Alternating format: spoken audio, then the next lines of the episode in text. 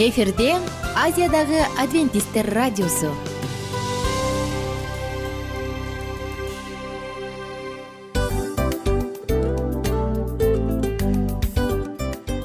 Достор салют. Баардык сүйүктүү угармандарыбызга салам айтабыз. Кутман күнүңүздөр менен. Ден соолук өмүрдүн булагы демекчи саламат саамы программасында баарыңыздарды көргөнүбүзгө абдан кубанычтабыз. Анда алгач амандашып өтөлү арбаңыздар деп. Ден соолугуңуздар кандай элибизде көбүнчө ден соолук кандай дегенде эле жакшы деп жооп беребиз э ооруп турсак дагы жакшы дейбиз. Анан мен муну айтып ойлойт элем бул абдан сонун сөз депчи анткени бул жакшы деген үмүт да э ооба баары жакшы болот. Баары сонун. Деп үмүттөнүп атып эле өзүбүздү өзүбүз дарылап коебуз.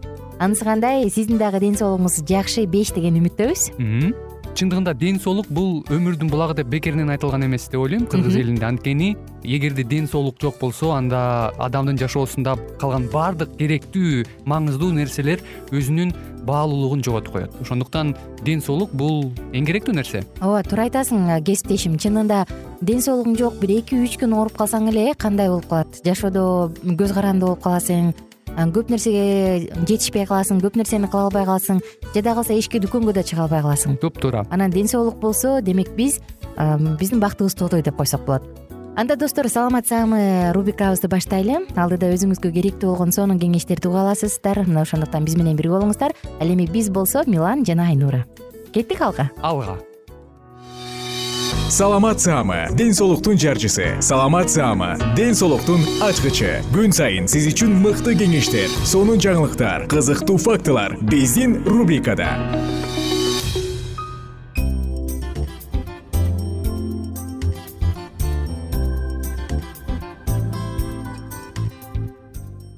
кутман күнүңүздөр менен достор жалпыңыздар менен амандашып саламдашып биз кийинки дагы сонун маалымат бере турган радио баракчабызга өтөбүз. Саламат саама тыңдап жаткан рубрика. Жана бүгүн сиздер менен бирге бөйрөк жана табарсык жөнүндө сөз кылалы деп турабыз. Бөйрөк дегенде эле ар бирибиз билебиз э эки жакка бөлүнгөн кичинекей бөйрөктү элестетебиз негизи бөйрөк бул омурткалуу жаныбар менен кишинин заара бөлүп чыгаруучу жуп органы. Бөйрөк аркылуу заара менен кошо суу зат алмашуунун акыркы продуктысы туздар организмдин өзүндө пайда болгон же сырттан кирген уу заттар бөлүнүп чыгат. Ошондуктан бүгүнкү тема абдан маанилүү. Бөйрөк жөнүндө сөз болмокчу. Ии бөйрөгүнө суук тийип калыптыр бөйрөгү жетишпейт экен. Бөйрөгү начар иштейт экен. Бөйрөгү алсыз экен деген сөздөрдү көп эле уксак керек мына. Дал ушул маанилүү эки орган бөйрөк жана табарсык жөнүндө сөз кылабыз боор сыяктуу эле бөйрөк дагы биздин организмде эң эле чоң баштыкы тазалоочу органдардын бири. Ал биздин организмде дагы бир жолу жогоруда айтылгандай эле ар кандай керек эмес уулуу заттардын баардыгын тең нейтралдаштырып жок кылат жана биздин организмди тазалап турат. Мына ошондуктан бөйрөктүн ролу абдан чоң. Адамдын бөйрөгү ич көңдөйүндө он экинчи көкүрөктүн жана үчүнчү бел омуртканын тушунан орун алган бөйрөк төө бурчак формасында узундугу ондон он эки сантиметр салмагы болсо жүз жыйырмадан эки жүз граммга чейин. Оң бөйрөк сол бөйрөккө караганда бир аз төмөн жатаары дагы белгилүү бөйрөктүн жогорку төмөнкү башы сырткы жана ички жагы бар. Ички жагы оюнку келип дарбаза деп аталат. Ал аркылуу бөйрөк артериялары жана нервтер кирип вена лимфа тамырлары жана заара аккыч түтүк чыгат. Бөйрөктү фебриндүү кабык бөйрөк май жана туташтырма ткандуу фация курчап алар аны өз ордунан жылдырбай турат бөйрөк кыртышы жана мээ сымал катмардан дагы турат. Кыртыш катмарынын калыңдыгы төрттөн он үч миллиметрге чейин жетет. Мына ушундай дал ушундай. Кишинин бөйрөгү аркылуу бир минутада бир миң эки жүз миллилитр кан өтүп бул убакта жүз жыйырма миллиметр. Ал эми бир суткада жүз элүү литрден алгачкы заара чыпкаланып чыгат. Чоң кишиде беш литрдей кан болору белгилүү. Демек бул кан суткада үч жүз элүүдөй жолу бөйрөктү өтүп жетишерлик тазаланат. Караңызчы биздин организмдеги кан бөйрөк аркылуу беш жолу өтөт. Алгачкы заара нефрондук капсулаларынан заара түтүкчөлөр аркылуу өтүүдө ал саны жана сапаты жагынан олуттуу өзгөрүүлөргө учурайт. Мында керектүү заттар клетка мембранасы аркылуу канга деабсорбация деп коет эмеспи зыяндуу заттар кандан түтүкчөгө секрецияга өтөт. Сийдик чыгаруучу түтүкчөлөр биригип ири түтүкчөгө чогулат. Ал аркылуу сийдик адегенде кичине андан кийин чоң чөйчөкчөгө жана бөйрөк түтүгүнө жыйылат. Лоханка деп коебуз. Ал эле эмес организмдеги баланстарды тең салмакта кармап турууда дагы аябай чоң салымы бар. Эми бөйрөктүн функциялары жөнүндө айта турган болсок бөйрөк адамдын организминде үч чоң функцияны аткарат. Биринчиси бөлүү функциясы. Мында канды фильтрациялайт. Тагыраак айтканда канда кандай гана уулуу заттар уулуу азыктар болбосун кандай гана метаболизмде кездешкен нерсе болбосун мунун баардыгын тең зара аркылуу сыртка чыгарат. Тагыраак айтканда дагы бир жолу айтайлы бөлүп чыгаруучу функция. Экинчиси регулятордук функция деп аталат. Мында адамдын канындагы калий натрий жана башка элементтердин баардыгынын тең баардыгынын үстүнөн көзөмөлдөп турат. Элестетиңиз эгерде бир аз эле өзгөчөлүк болуп кайсы бир минералдык зат көбөйүп кете турган болсо анда адам ошол замат көз жумушу мүмкүн. Жөнөкөй гана калийдин төмөндөп кетиши адамды параличке алып келет же алсызданууга алып келет же жүрөктүн токтошуна алып келет. Мына бул баардык кандагы баардык баардык минералдык заттардын баардыгын тең жөнгө салып баардыгын тууралап туруу дал ушул бөйрөктүн милдети. Үчүнчү гормоналдык функция. Бөйрөк бир нече гормондордун баардыгын иштетип чыгарат ал организмдеги гормоналдык баланстын баардыгын тең салмакта кармап турат. Алардын бири ренин жана эритропотеин деп аталат. Булар дагы адамдын организминде жашоо үчүн эң керектүү функциялардын бири. Табарсык болсо зара бөлүнүп чыгуу да сөзсүз регулировка болот. Же өзүн кошот ошол немеге. Андан кийин анын натыйжасында адам эмнеден кандай болуп турса көп суу ичсе көбүрөөк аз суу ичсе азыраак даараткананы көздөй жөнөйт. Эми биз бир аз болсо да айта кетели бөйрөктөн баштап табарсыкка чейинки узундук аралык отуз сантиметрдей болот. Эгерде биз ар бир бөйрөктү айта турган болсок ар бир бөйрөк аркылуу күнүнө тогуз жүз элүү литр суу же кан айланып туруп турат. Ар бир бөйрөктүн массасы болжол менен жүз жыйырмадан эки жүз граммга чейин орточо туура бөйрөктүн салмагы жүз кырк эки грамм болот экен. Мына ушундай достор маалыматтар бар бизде ал эми кээде баягы адамдын почечная недостаточность деп коет эмеспи? Дал ушундай эле аталат ооручу. Бөйрөк оорусу бар боло турган болсо демек адам өзүнүн функцияларын толук аткара албай калды дегенден кабар берет. Элестетиңиз. Мында адам диализ кылып же бөйрөгүн алмаштыруу пересадка кылыш керек. Бирок тилекке каршы бул өтө эле оор болгондуктан кыйын боло тургандыктан андан көрө мунун алдын алып туура тамактанып туура жашаган жакшы бөйрөктүн эмне иштешине жолтоо кылат же болбосо бөйрөктүн иштешин начарлатуучу кандай коркунучтар бар? Мында стрептококктук инфекция дагы чоң роль ойнойт. Бул жыйырма эки пайызды түзөт. Дал ушул инфекция бөйрөктүн иштешин начарлатат. Кант диабети бөйрөктүн жыйырма сегиз пайызын начарлатат. Жогоруланган артериалдык кан басым бөйрөктүн жыйырма беш пайызын төмөндөтүп начар иштетет. Жана поликистоз бул дагы төрт пайызына тең жаман терс таасирин тийгизет. Мына ушундай достор бүгүн сиздер менен биз бөйрөк жөнүндө сөз кылдык. Эгерде бул орган сиз үчүн өтө маанилүү боло турган болсо жана албетте бул орган сизге эң эле керектүү боло турган болсо анда бөйрөккө кам көрүңүз. Белокко бөйрөк негизи дененин эң маанилүү органдарынын бири э? Заранын чыгуусуна жооп берет зара болсо баарыбызга белгилүү болгондой бул заң бул токсиндер бул уулуу суусундук организмден болушунча баардык уулар баардык туура эмес заттардын баардыгы тең заң жана зара аркылуу чыгат эмеспи. Ошондуктан кандай гана болбосун өзүңүздүн саламаттыгыңызды кам көрүңүз адамдын ден соолугун керек болсо дал ушул заранын өңүнөн да билип коет эмеспи. Бул дагы бекеринен эмес. Бөйрөгүңүзгө кам көрүңүз. Ал экөө болгону менен экөөнүн ролу абдан чоң жана ал сизге эң эле керектүү орган баарыңыздарга кааларыбыз ден соолук. Эч качан оорубаңыздар. Ооруканага эмес төрөтканаларга эле барып жадырап жайнап кичинекей ымыркайларды жарык дүйнөдө тосуп ала берели бар болуңуздар бай болуңуздар жана кайрадан кийинки уктуруулардан амандашканча сак саламатта туруңуздар. Кененирээк маалыматтар үчүн үч w чекит саламат чекит клуб сайтына келип таанышыңыздар. Жана андан тышкары социалдык тармактарда youtube facebook жана instagram баракчаларына катталыңыз.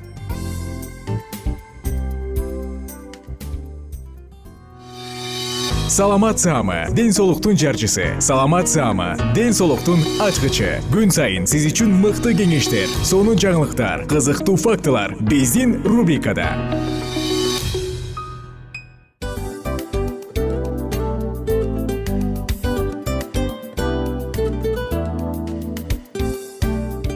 салам достор. Кайрадан биздин сүйүктүү рубрикабызга кош келиңиздер деп айтмакчыбыз.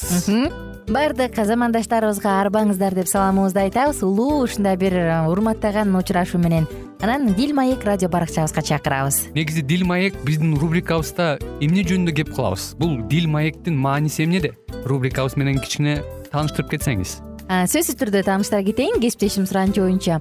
Бул учурда бул радио баракчада биз ар тарап кесип ээлеринен сонун кеңештерди алабыз сүйлөшөбүз сырдашабыз. Аталарыбыздын эжелерибиздин апаларыбыздын кеңештерин угабыз айтор жан дүйнөгө адамдын э, сапатына адамдын деги эле адам болуп жашашына керектүү баардык кеңештер алдыда негизи э, дил маек дегенде баягы эки адамдын ортосундагы сырдашуу кенен сүйлөшүү. Негизи эле биз адамдар бири бирибиз менен бир жерге жай жерге отуруп алып өзүнчө тынч э, жашоо жөнүндө өмүрүбүздө эмне болуп атканын бөлүшкөнү жакшы көрөбүз э адамдар. Ооба туура айтасың.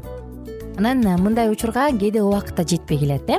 Же болбосо сырыңды кайгыңды муңуңду кубанычыңды айткың келет а адамга ишенбешиң мүмкүн. Ооба. А бул радио баракча угармандарыбыздын чыныгы досу. Анткени бизден алган кеңеш сиздин жашооңузга чоң жардам берет ал эми сиздин бизге айта турган сөзүңүз ортодо гана сыр бойдон калат.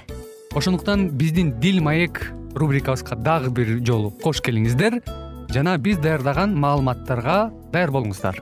Айнура жана милан сиздер менен бирге алдыга кеттик. Ар түрдүү ардактуу кесип ээлеринен алтын сөздөр жүрөк ачышкан сыр чачышкан сонун маек дил маек рубрикасында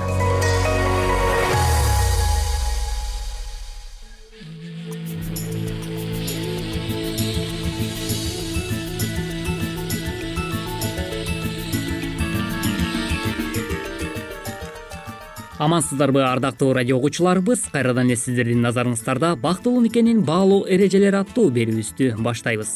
Бүгүнкү программабыздын чыгарылышында урматтуу угармандарыбыз биз дал ушул эки жаш түгөйдүн ортосунда үйлөнүү үлпөтүнөн соң демек бири бирине карата болгон э, таза сезимдерин өмүрүнүн акырына чейин сактай билүү жаатында маек кылмакчыбыз. Андыктан бул мүнөттөрдө биздин одон алыстабай биз менен биргеликте болуңуздар. Тактап айтканда бири бирине берилгендикти таза сактап өтүү. Ушул туурасында бир нече кеңештерибизди бөлүшөбүз. Кайрадан эле микрофондо кызматыңыздарда аты жөнүм улан кубанычбеков жана ошондой эле менин кесиптешим. Саламатсыңарбы жана мен асель мамбетова.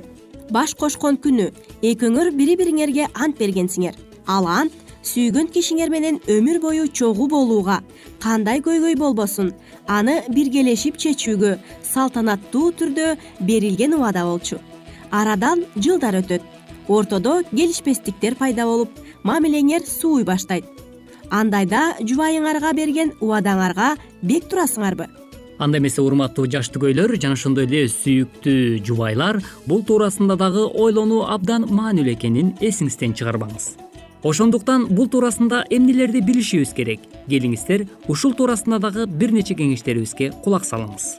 Берилгендикти толкун алып кетпеш үчүн кайыкты кармап турган казыкка салыштырса болот. Берилгендик көп көйгөйдү чечет азыркы тапта көптөр берилгендикке карата туура эмес көз карашта айрымдар аны тушап турган кишендей көрүшөт. Бирок берилгендик чынында никени бекемдеп турган нерсе.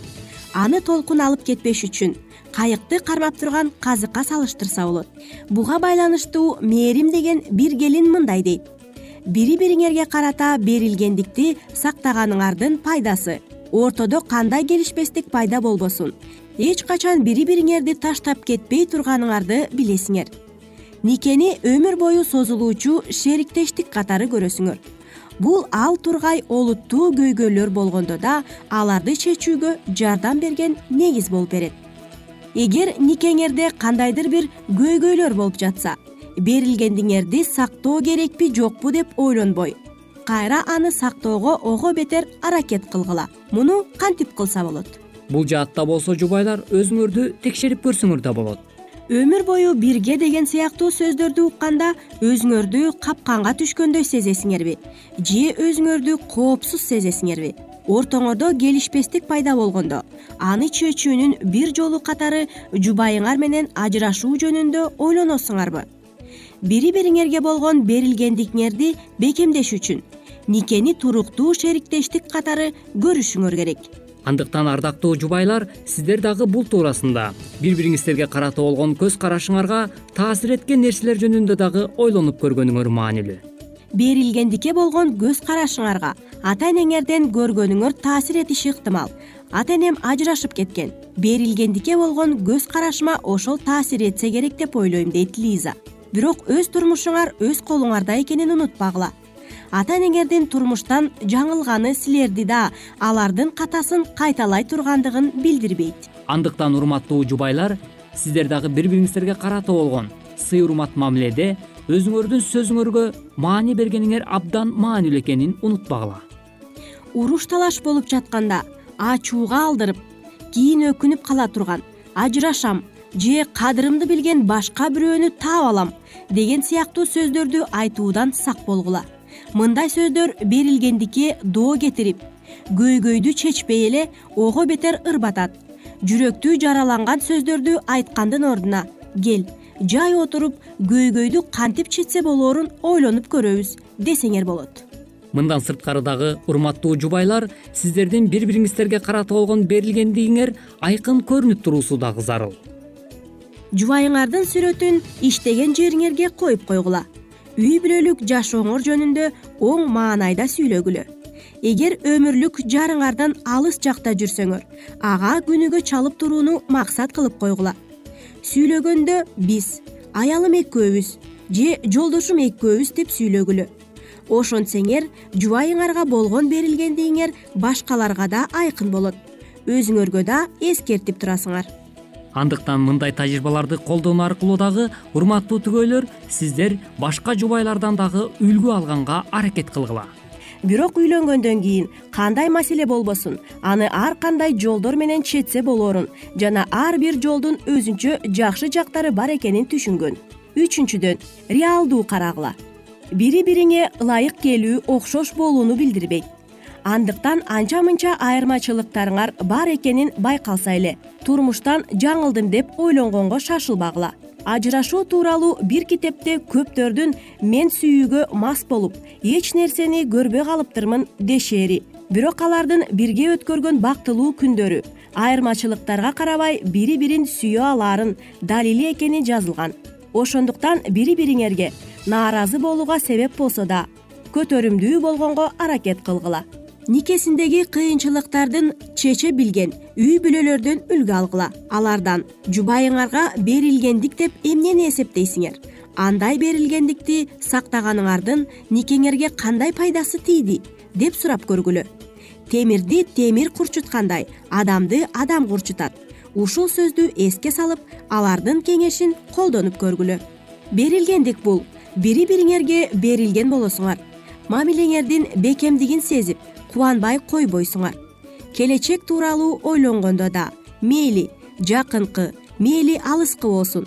Экөөңөрдү ойлоп кыялданасыңар. Силер үчүн экөөңөрдүн чогуу эмес. Экендигиңерди элестетүүнүн өзү эле кыйын. Бир зайып жолдошум аябай ачуума тийгенде да мен болгону ошол учурда баардыгы ойдогудай эмес экендигине кабатырланам. А никебиз үчүн эч коркпойм кантип баардыгын ордуна келтирүү керектигин ойлоп эле тынчсызданам. Анын жолун ошол учурда билбесем да баары жайына келерине шектенбейм деп ой бөлүшөт андыктан ардактуу түгөйлөр мына ушул нерселерди эске алуу менен биргеликте бири бириңиздерге карата болгон берилгендикти дайыма бекемдей бериңиздер деген тилегибизди билдирүү менен бүгүнкү программабыздын дагы көшөгөсүн жапмакчыбыз. Ар дайым ак никеңиздер түбөлүктүү болсун деген тилек менен кайрадан эле биз сиздер менен бул ободон үн алышканча сак саламатта болуңуз ар түрдүү ардактуу кесип ээлеринен. Алтын сөздөр жүрөк ачышкан сыр чачышкан сонун маек. Дил маек рубрикасында.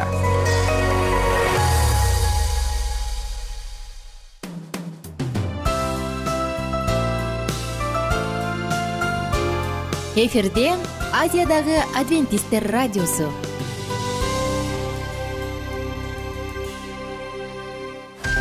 жан дүйнөңдү байыткан жүрөгүңдү азыктанткан жашооңо маңыз тартуулаган жан азык рубрикасы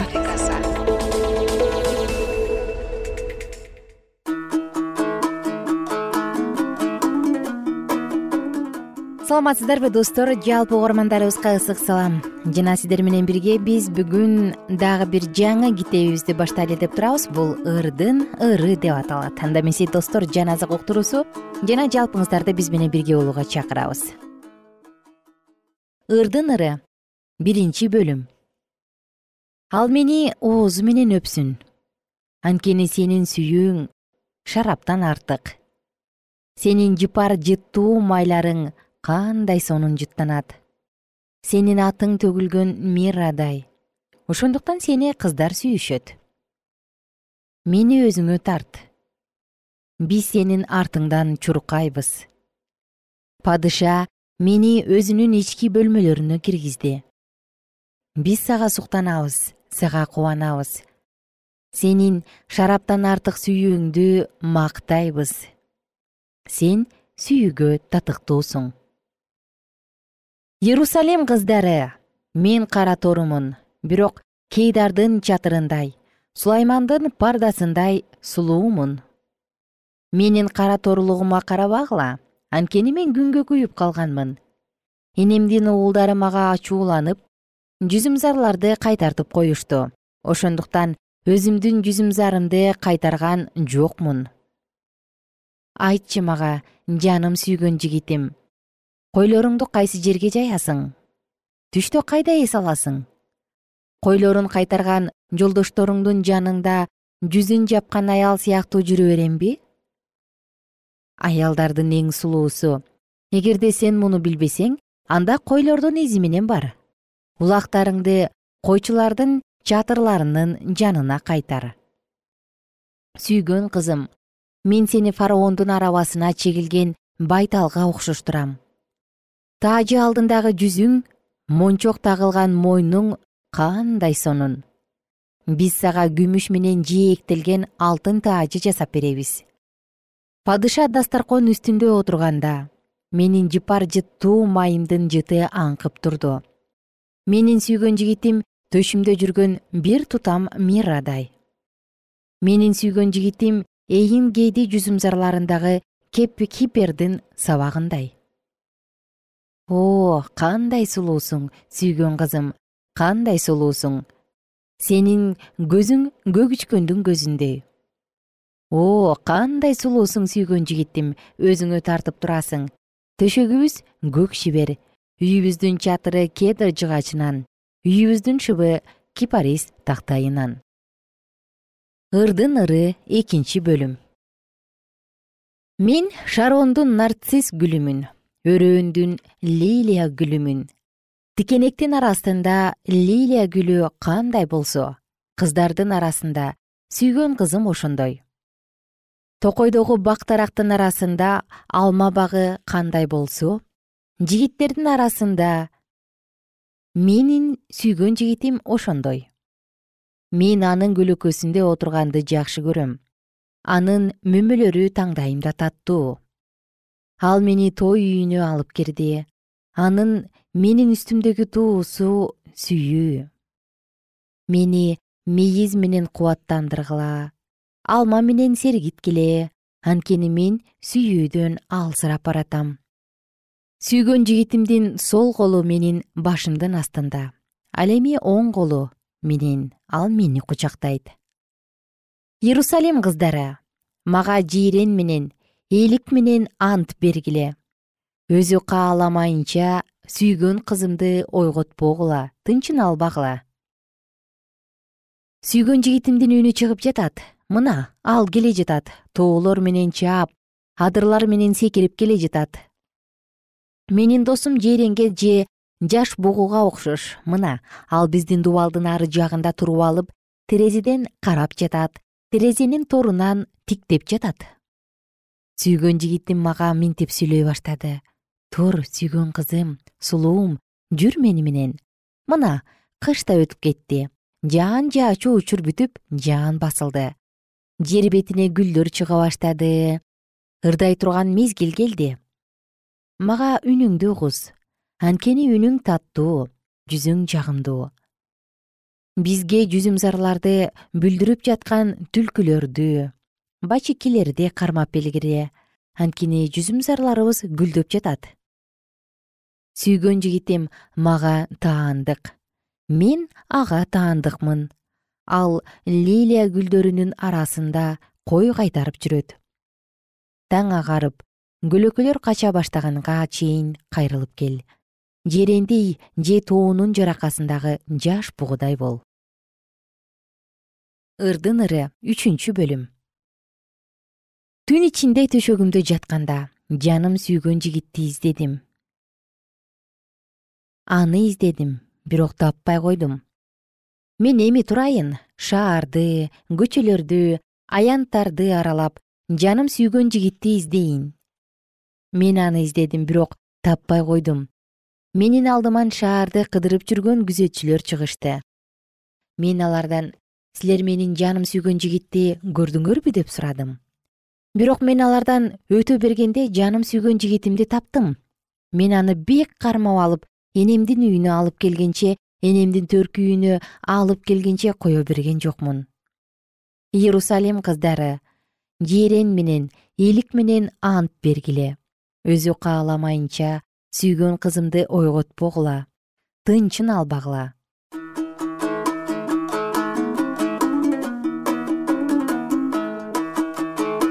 кымбаттуу достор мынакей бүгүн сиздер менен ырдын ыры деп аталган китептен үчүнчү бөлүмдөн бир нече аяттарды окуп өттүк негизи угуп атып таң калат болушуңуз керек бул. Эмне деген китеп? Эмнени окуп атышат? Эмнени айтып берип атышат деп бирок бирок бул дагы ыйык жазуунун ичинен орун алган жана жараткан менен адамдын жараткан менен жыйындын ортосундагы сүйүүнү чагылдырган эң сонун китеп. Ошондуктан достор мен ишенем сиздин дагы жашооңузда мүмкүн сүйүүнүн даамын тереңирээк татканга сүйүктүүңүздү барктаганга үйрөтөт жана үйрөтө алат деп. Ошондуктан биздин кийинки уктурууларыбызды дагы калтырбаңыздар кайрадан амандашканча сак саламатта туруңуздар.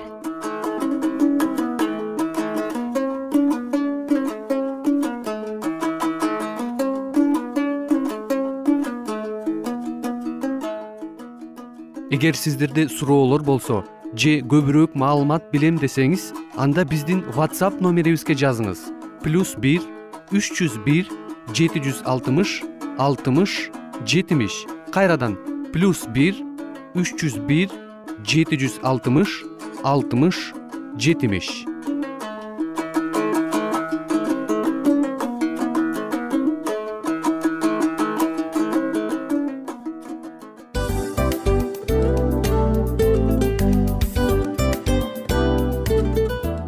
достор биздин радио баракчаларыбыз соңуна келди. Демек бул программабызды дагы жыйынтыктачу учур келдик.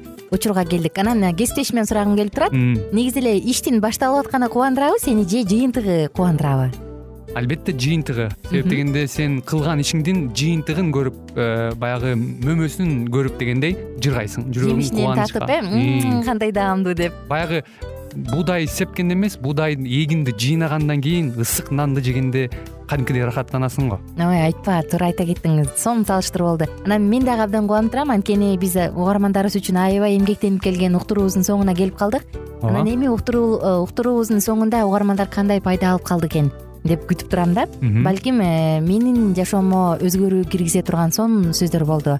Мен ушул нерсени изилдеп анан кабыл албасам ушул нерсени кылбасам деген чечим чыгарсаңыз анда биз абдан кубанычтабыз сөзсүз түрдө андыктан кийинки биздин кызыктуу уктурууларыбыздан көрүшкөнчө сак саламатта калыңыздар. Чыдамсыздык менен сиздерди мен милан жана кесиптешим айнура күтөбүз баардык угармандарыбызга ийгиликтүү күн каалайбыз. Качан гана болбосун уртуңуздан жылмаюу кетпесин үйүңүздө көмүр жүрөгүңүздө көңүл болсун дейли